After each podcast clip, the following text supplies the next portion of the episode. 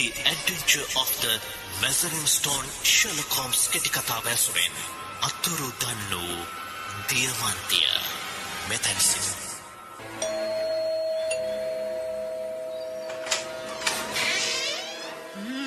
Doctor Watson බොහොම කාලෙකට පස්සේ අපිව බලන්න ඇවිත්තා. ඔව්. කිසිම දෙයක් වෙනස් වෙලා නැති හැඩයි. හැම දෙයක්ම කලින් තිබුණු විදියමයි. ඒක නම් ඇත්ත. මිසිස් හඩ්සන්ගේ පවා කිසිම වෙනසක් වෙලා නැහැ. මං හිතනවා හෝම්ස් ගැනත් ඒ ටිකම කියන්න පුළුවන් කියලා. පේන්නේ නැද්ද? නිදන කාමරේ දොර වහගෙන ඉන්නවා. මං හිතන්නේ හොඳටම නිදි ඇති. වසන්ත කාලේ මේ තරම් අපූරු දවසකත් හැන්දෑවේ 7 වෙනකොට නිදි. ඒත් ඉතින් හෝම්ස් ගැන හරි හැටි දන්න කෙනෙකුට ඒක පුදුමයක් නෙමෙයි. මං හිතන්නේ පරීක්ෂණයකදී නැති මේ දවස්වල. ඔව් මුළු දවසම මේ ගැන තමයි හිත යොදවන්නේ. මට බයයි අසනීප වේද කියලාත්. දවසින් දවස කෙට්ටු වෙනවා. මූණත් සුදු මැලි. ඇයි කිසි දෙයක් කන එකක් ඇයි මොකද hina වුනේ? මම ඇහුවා කොයි වෙලාවටද රෑ කෑම ගන්න කියලා. අනිත් දරේ 7:30ටයි කිව්වා. ඔන්න දුන්න උත්තරේ. දන්නවනේ පරීක්ෂණයක යෙදලා ඉන්නකොට කටයුතු කරන හැටි. නැතුව නැතුව. මට වැඩිය හොඳින් ඒ ගැන දන්න කෙනෙක් ඉන්නවා තවත්. කාව හරි ලුහු බඳිනවා. ඊයේ දොට්ට බැස්සේ රස්සාවක් හොයන මිනිහෙක් විදිහට වෙස් වලාගෙන. අද උදේ වයසක ගෑනු කෙනෙක් විදිහට. අනී ඇත්තමයි මමත් රැවටුණා. තවමත් මම මේ ගැටවලට අහුවෙන එක නෙව වැඩි. මම මම කොයිතරම් රැවටිලා ඇද්ද? ඔය සෝපාවට හේතු කරලා තියෙන පාට පාට කුඩේ ඒකත් අර වයසක ගෑනු කෙනාගේ වෙස් මාරුවේ කොටසක්. ඉතින් මේ මොකද්ද ඔය තරම් වැදගත් පරීක්ෂණේ? වෙන මොකක්වත් නෙමෙයි. අර රජයට අයිති දියමන්තිය. මොනවා? අර පවුම් ලක්ෂය හොරකම? ඔව්. ආණ්ඩුවේ ඔක්කොම කලබල වෙලා. මොන විදියෙන් හරි මේක හොයාගන්න තමයි දත කන්නේ. වෙන එකක් ඕනේ නෑ. ඔන්න ඔය සෝපා උඩ වාඩි වෙලා හිටිය අගමැතිතුමයි ලේකම්තුමයි දෙන්නම. ඔව්. මට හිතා ගන්න පුළුවන්. මිස්ටර් හෝම්ස් ඒ අය එක්ක බොහෝම හිතවත්ව කතා කළා. පුළුවන් හැම දෙයක්ම කරන්නම් කියලත් ඒ උදවියගේ හිත සැනසුවා. ඒ විතරක් නෙමෙයි. කැන්ටල් මියර් සාමිවරයත් ආවා. මොනවා? ඔව්. එතකොට තේරෙනවනේ වැඩේ බරපතලකම.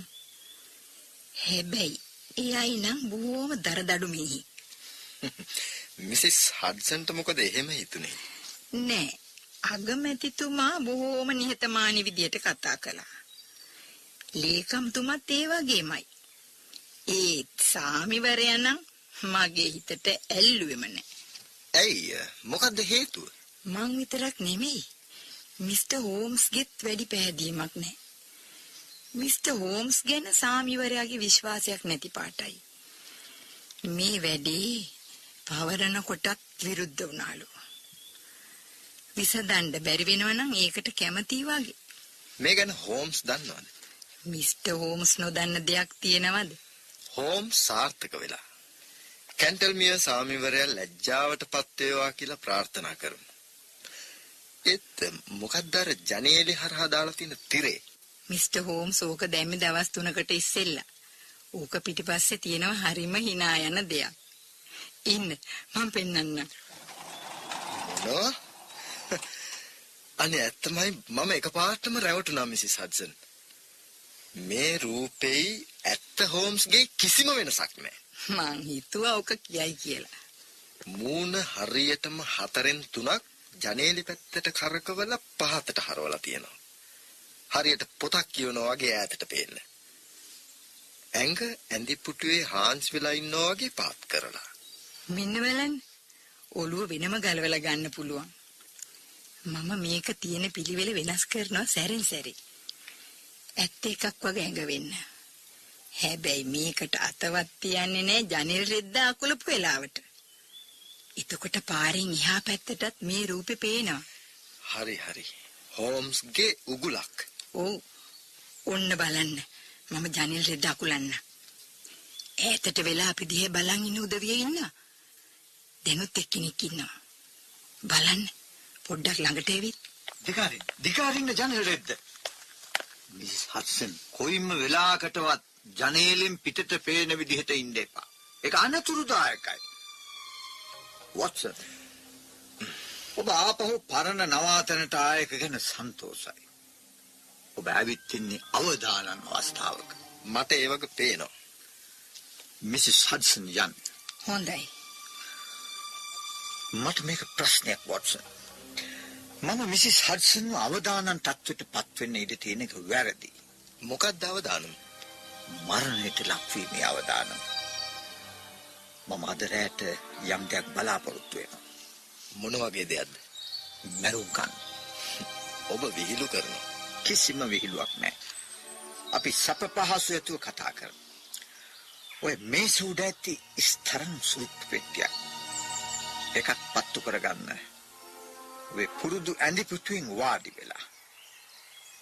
මම පයිප් එක පත්තු කරගන්නවට විරුද්ධ නෑනේ. දුම් කළ තමයි මේ දවස්වල මගේ ආහාරය. මොකද්ද මේ කෑම නොකන්න හේතුව? නිරාහාරව හිටියම බුද්ධින්ද්‍රිය ප්‍රබෝධමත් වෙනවා. වෛද්‍යවරයෙක් විදියට ඔබ මේ කරුණ පිළිගන්න ඕනේ. ආහාර දිරවීමෙන් රුධිර ධාවනයට වාසි සැලසෙනවා වගේම මොළයට පාඩු සිද්ධ වෙනවා. මම ප්‍රධාන තැන දෙන්නේ මොළයට. ශරීරයේ අනික් කොටස් මට වැදගත් නැහැ. ඒත් මොකද්ද මේ අවදානම? ඔව්. කිසියම් ඇවැද්දයක් සිද්ධ වුණොත් ඔබ මිනිමරු වගේ නම දැනගෙන සිටීම වැදගත් වෙනවා.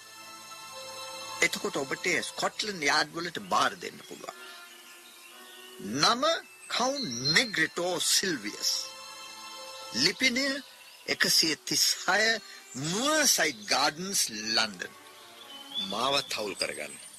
මට මේ දවස් දෙක තුනේ හැටි වැඩක් නැහැ. ඒත් ඔබේ ලෙඩ්ඩු හදිසි ප්‍රතිකාර අවශ්‍ය අමාරු ලෙඩ්ඩු කවුරුවත් නැහැ. මේ ඉතින් මේ මිනිහව අත්අඩංගුවට ගන්න බැරිද? පුළුවන්. මාළුව වට කරලා දැල එලලයි තියෙන්නේ. ඒත් ඉස්සල්ලා දියමන්තිය මගේ අතට ගන්න ඕනේ. ඒකයි මට පැවරුණු රාජකාරිය. එතකොට ඔබේ මාළුවා කවුන්ට් සිල්වියස්. ඔව්. නිකම්ම මාළුවෙක් නෙවෙයි.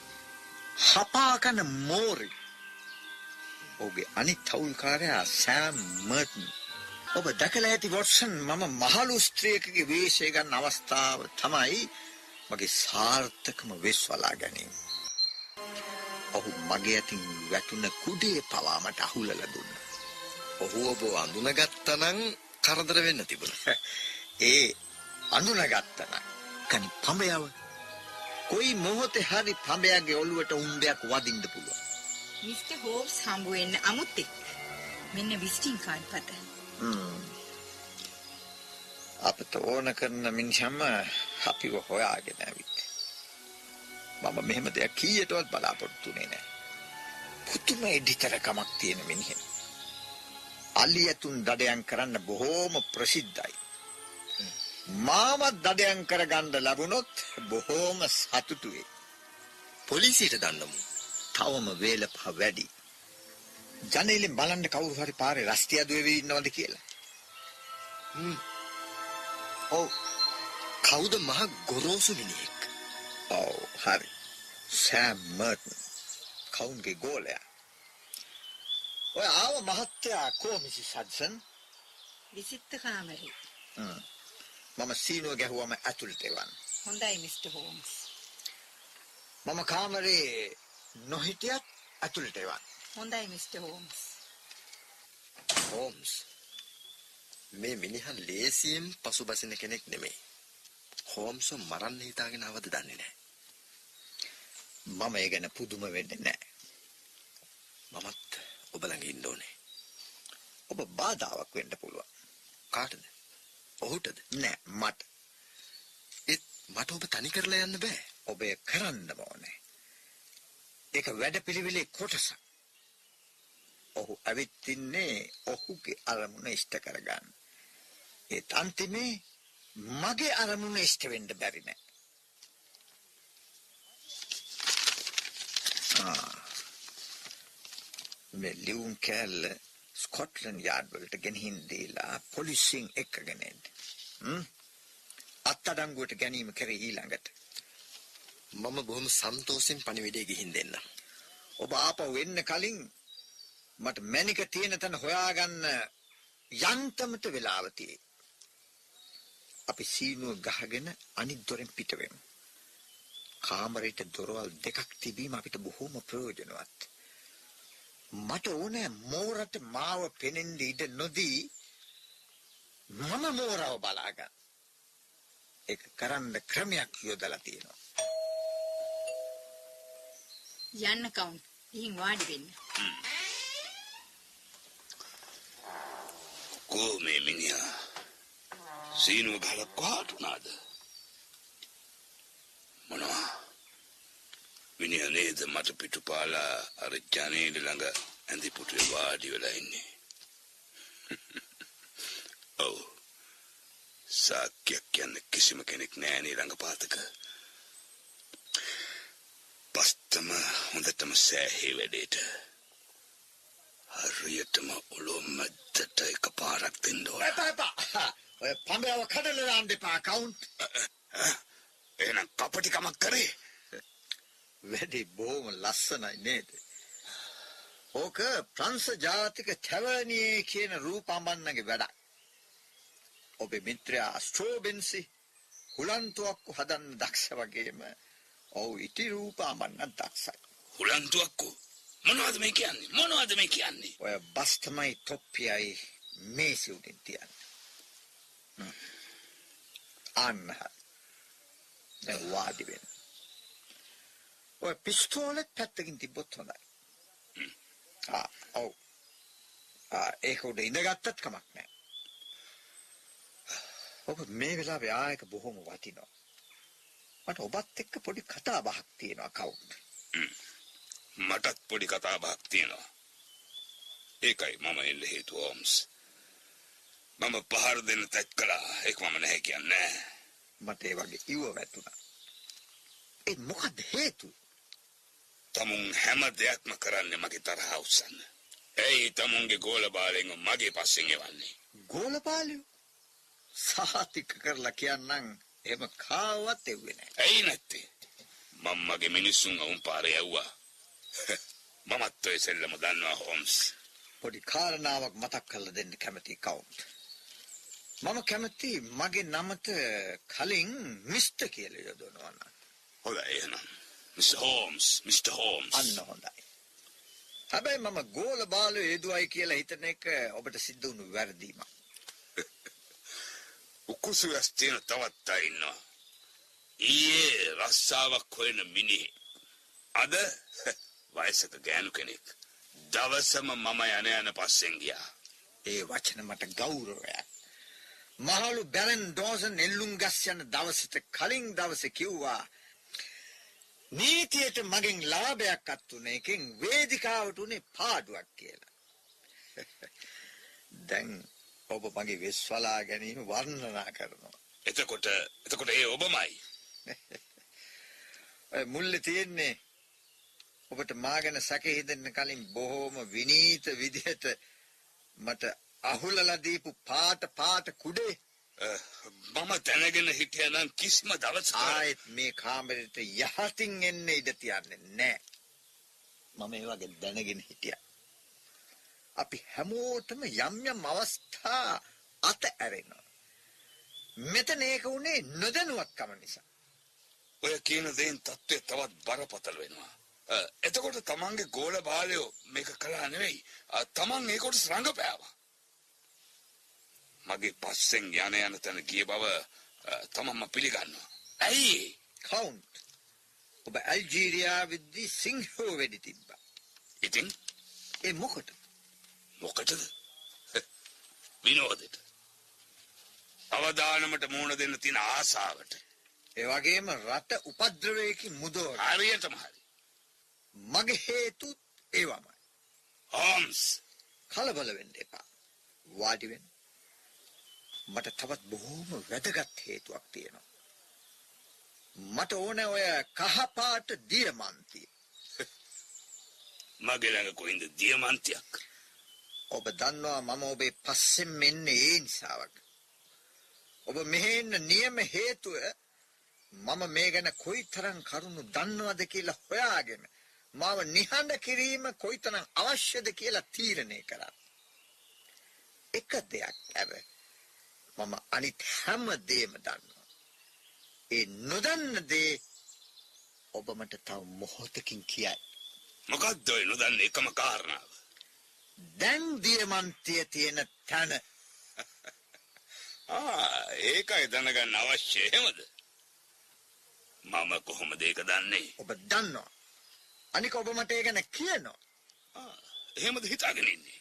මට බොරු කරන්න බෑ කවුන්සිල් වියස්. ඔබ හරියටම වීදුරු තහඩුවක් වගේ. මට ඔබේ හිත ඇතුළට කිඳා බහින්න පුළුවන්. එහෙමනම් ඔබට දියමන්තිය තියෙන තැන පේනවා ඇති. එහෙමනම් ඔබ දන්නවා. දැන් ඔබ ඒ වගේ පිළිගත්. මම කිසි දෙයක් පිළිගත්තේ නැහැ. දැන් අපි මේ ගනුදෙනුව බේරුමක් කරගනිමු. එහෙම නුනොත් ඔබට කරදර වෙන්න වෙයි. ඔය කටමැති දෙඩිවලි වලින් මාව රවට්ටන්න බෑ. එහෙමද හිතාගෙන ඉන්නේ. දන්නවද මේ සටහන් පොතේ තියෙන්නේ මොනවද කියලා? කිව්වනම් බලන්න. කවුන්සිල්වියස් පිළිබඳ සම්පූර්ණ විස්තර ඔබේ අපකීර්තිමත් අවදානම් සහිත ජීවිතයට සම්බන්ධ හැම සිද්ධියක්ම මෙහි සටහන් වෙලා තියෙනවා. මගේ ඉවසීමේ සීමාවක් තියෙනවා හෝම්ස්. හැම විස්තරයක් තමන් සූදුවට ගිහින් නැති කරගත්ත බ්ලයිම වතුආය තමන්ගේ නමට පවරපු වයසක කාන්තාව මිසිස් හැරල්ගේ මරණයට නියම හේතු ඔබ ඔබ හීන දකිනවා හීන. මිස් මිනි වොරන්ඩගේ සම්පූර්ණ ඉතිහාස ඔබට ඒ කිසි දෙයක් ඔප්පු කරන්න බෑ.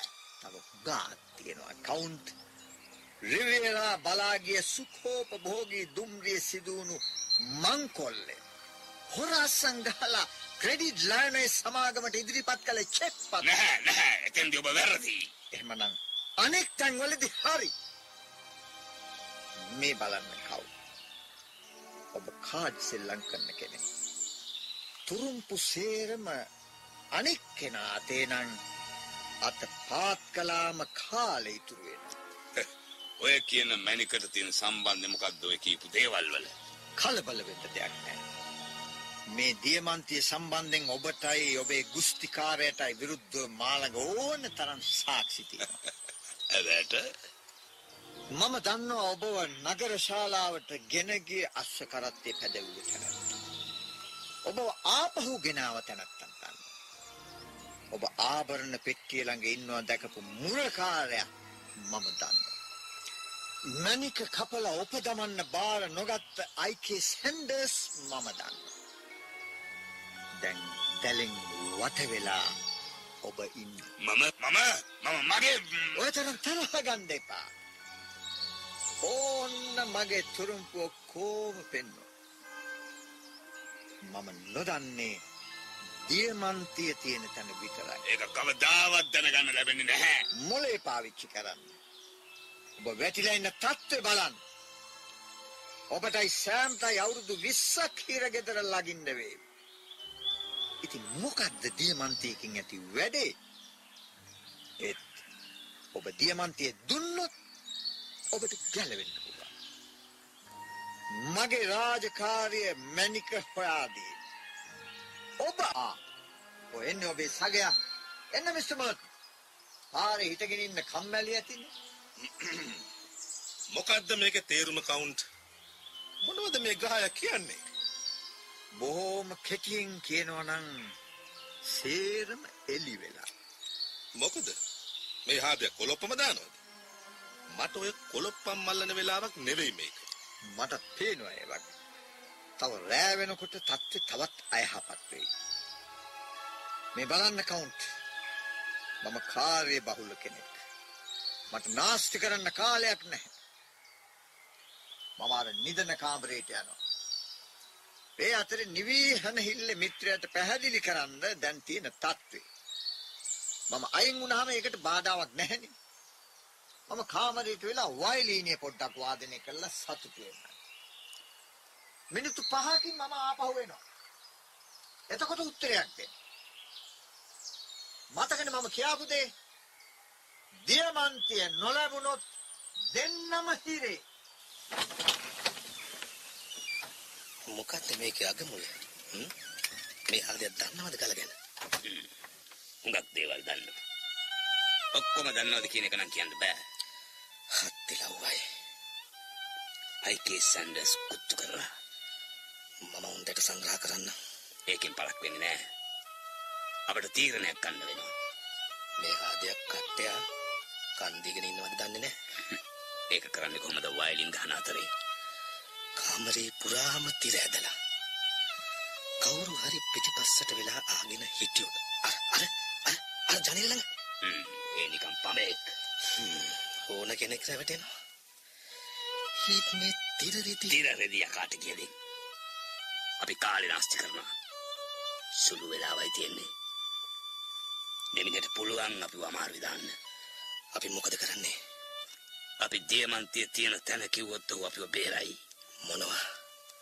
පවුම් ලක්ෂයක් නිකම්ම අත්හැරලා දාන්න. නැත්තම් හිරේ ලගින්න වෙනවා. ආදයා ඉන්නේ තනියම. අපි වැඩක් දෙමු. එළිය නිව්වොත් වැඩේ ලේසි නෑ. මිනිහා ආයුධාතේ ඇතිව ලෑස්ති පිටයි ඉන්නේ. මේ වගේ තැනක අපි වෙඩි තිබ්බොත් අපි අහු වෙනවා. අනික මිනිහා දන්න හැමදේම පොලිසියක් දන්නවා ඇති. ඒ? පාරේ මොකද්ද වෙන්නේ නැති? කවුන් තමයි මූලකාරයා? මේකෙන් ගැලවෙන්න විදියක් හොයන්න. උන්ඩෙන් බැරි නම් විසඳුමත් හේවිල්ල කවුන්ට බාරයි. මම ඔයිට වැඩි අය රවට්ටලා තියෙනවා. හ්ම්. දියමන්තිය තියෙන්නේ මගේ සාක්කුවේ. හ්ම්. අතන මෙතන දාලා එන්නේ කවදානම්. අද රෑම එංගලන්තෙන් පිට කරගත්තොත් ඉරිදට කලින් ඇම්ස්ටර්ඩම් වලදී කෑලි හතරකට කපනවා. බෑන්සෙඩ් අරගෙන මිනිහා දන්නේ නැහැ. මං හිතුවේ වෑන් සිටාර යන්නේ එන සුමාන කියලා. තමයි සැලැස්ම තිබුණේ. ඒ දැන් ඊළඟ බෝට්ටුවේ ඔහු යවන්න ඕන. අපි දෙන්නගෙන් කෙනෙක් ගලත් අරගෙන මෙතනින් පැනගෙන ලයිම් වීදියට ගිහින් ඔහුට විස්තරේ කියන්න ඕන. ඒ බෝට්ටුවේ හොරපතුල තාම හදලා ඉවර නෑ. ඒ අවදානමට මුහුණ දෙන්න වෙනවා. අපි ඉක්මන් කරන්න ඕන. අන්න ආයෙත් පොඩි සද්දයක් ඇහුණා. මටත් තේරුණා. ඒ පාර පැත්තෙන්. හෝම්ස් රවට්ටන එක අමාරු නෑ. අපි දියමන්තිය දුන්නොත් හෝම්ස් අපි වල්ලලා දෙන්නේ නැහැ.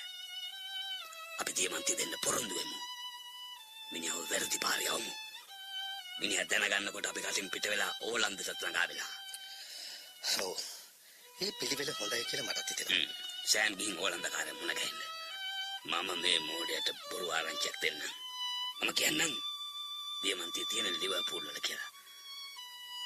යෝධයාගේ සංගීතනේ මට මහ කන්දස් කිරියාවක් වෙන්නේ. මැනික ලිවර්පූල් වල නැති වගේ දැනගන්නකොට අපි බොහොම දුර ගිහින්. ඔය යතුරු කටලඟින් මෙහාට එන්න. මෙන්න මැනික. මේක ළඟ තියාගෙන හිටිය එකනේ වැඩි. වෙන කොහෙද ආරක්ෂාව තියෙන්නේ? අපිට ධවල ශාලාවෙන් මේක පිට කරගන්න පුළුවන් වුණා නම් තව කෙනෙකුට බැරිද අපේ කාමරෙන් මේක පිට කරන්න? කෝපොන්නම් බලන්න ඕක. බලන්න දෙයක් නැහැ. ඇයි? මම උදුරගෙන දුවයි කියලා හිතුවද? මටත් ඔහෙගේ සමහර වැඩ නම් අල්ලන්නේ නෑ. තරහ වෙන්න එපා සෑම්. අපිට දබර කරගන්න පුළුවන් කමක් නැහැ. හොඳට බලන්න ඕන නම් ජනේලෙ ළඟට එන්න. හ්ම්. දැන් එළියට අල්ලලා බලන්න. අපූරුවට දිලිසෙනවා. කාපටියා! තක්කඩියා! ආයෙත් එපා. මම ජීමන්තිය ඇහැ වගේ බලා ගන්න. කලබල කරන්න එපා. දන්නවනේ දෙන්නටම ගැලවීමක් නැති වගේ කලබල කළොත් පොලිසිය එළියේ බලාගෙන ඉන්නවා. ඒ දෙයනේ කොහමද? කොහමද? පුදුම වෙන එක සාධාරණයි. ඔබ දන්නේ නැත්තේ මගේ නිදන කාමරයේ තියෙන අනික් දොරෙන් අර තිරේ පිටිපස්සට එන්න පුළුවන් වගේ. ඉටි රූපේ අයින් කරද්දි මට සැක හිතුණා. ඇහුණවත් දෝ කියලා. ඒත් වාසනාව මගේ පැත්තට හිටියා. ඒකෙන් මට මං හිතේනම් අතින් පයි මූණෙන් කරන කතාව කටින්ම අඩු නැතුව දැනගන්න ලැබුණා. හරි හරි. අපි පරාදයි. ඒත් කොහොමද අර වයලින් වාදනය තවමත් ඇහෙන්නේ? ඇත්ත නේන්න. මේ ග්‍රැමෆෝනේ කියන එක බොහෝම අපූර්ව ගැනීමක්.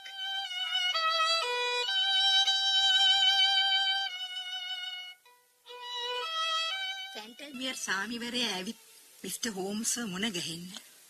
එක්කන් එන්න මිසිස් හඩ්සන්. හොඳයි. බොහොම රාජපාක්ෂික අවංක කෙනෙක් වොටසන්. ඒ දියල් පැනපු අදහස්. අපි පොඩ්ඩක් ඔහුව කොනිත්තල සන්තෝෂ වෙමු. එන්න ලෝඩ් කැන්ටල්මියර්. මේ වෙලාවේ එළිය නම් සීතල ඇති. ඒත් ඇතුළත උණුසුම්. මම ඔබේ උඩ කබා ඉවත් කරන්න. එපා මට ඒ ගලවන්න අවශ්‍ය නැහැ. නෑ නෑ නෑ. කොහොමම ගලවන්න. අ, නැත්තම් ටිකකින් ඔබට තද උණුසුමක් දැනෙයි. හෝම්ස් උරහිසට අත තිබ්බෙ බලෙන්ම කබාය ගලවන්න වගේ. මොකද මේ බලින් කබාය ගලවන්න හදන්නේ. මට මේ ඉන්න විදිය පහසුයි. මේ රැඳෙන්න බලාපොරොත්තුවක් නැහැ මගේ. මං ආවේ මේ කාරණේ ගැන යම් ප්‍රශ්නයක් තියෙනවද කියලා දැනගන්න. තත්ත්වය බොහෝම අමාරුයි. මම හිතුවා ඕක. ඔව් මමත් අවුලෙන් අවුලට පත් වෙලා ඉන්නේ. හැමෝගෙම යම් යම් සීමාවන් තියෙනවා. මට ඔබේ උපදෙස් අවශ්‍යයි විශේෂයෙන් එක් කරුණක් සම්බන්ධයෙන්. දැන් දැන් ඒකට ප්‍රමාද වැඩි. ඒත් මම උදව් කරන්න. මොනවද දැනගන්න අවශ්‍ය? අපට නියම හොරාට විරුද්ධව නඩු පවරන්න. ඔව් හැබැයි අල්ලගත්තට පස්සේ දැන් යමෙක් හොරාය කියලා ඔප්පු කරන්නේ කොහොමද? මැනික ඔහු ළඟ තියෙන්න ඕනේ. එතකොට ඔහු අත්අඩංගුවට ගන්න පුළුවන්. ඒ ගැන කිසිම සැකයක් නැහැ. එහෙමනම් මට ඔබ අත්අඩංගුවට ගන්න කියලා උපදෙස් දෙන්න වෙනවා ලෝඩ් කැන්ටල්මියර්. මගේ රාජකාරී කාලය තුල මේ වගේ මේ වගේ විකාර කතාවක් අහලා නැහැ. මම වැඩාධික කෙනෙක්. මේ වගේ විකාර විහිළු වෙනුවෙන් වෙලාව නාස්ති කරන්න බෑ මට. මම ඇත්තම කියන්නම්. ඔබේ ඔය හපංකම් ගැන මගේ මුලින් ඉඳලම විශ්වාසයක් තිබුණේ නැහැ. දැන් ඔබ කටයුතු කරන ආකාරයෙන් ඒක තවත් පැහැදිලි වුණා. මට යන්න අවසරයි. පොඩ්ඩක් ඉන්න. ඔබ දියමන්තියත් අරගෙන පිට වෙලා යාම එය తాවකාලිකව ළඟ තබා ගැනීමටත් වඩා බරපතල වරදක්. මොනවද මේ කතා? මට යන්න දෙන්න කරුණා කරලා. ඔබේ උඩ කබායේ දකුණු පැත්තේ සාක්කුවට අත දාලා බලන්න. මොකක්ද මේකේ තේරුම? මං කියන දේ කරන්නකෝ. මොනවා? මොනවා? කොහොමද මේක උනේ මිස්ටර් හෝම්ස්? සමාවෙන්න. මගේ මිත්‍රයා වොට්සන් ඔබට පැහැදිලි කරයි. මගේ පුදුමාකාර ආසාවක් තියෙනවා මේ වගේ වීල් වලට. ඔබ මෙතනට ආ හැටියෙම මම ඔබේ අවසරයක් නැතුව මැනික ඔබේ කෝට් සාක්කුවට දැම්මා. මට මේක අදා ගන්න බෑ. ඔව් මැනික මේක තමයි.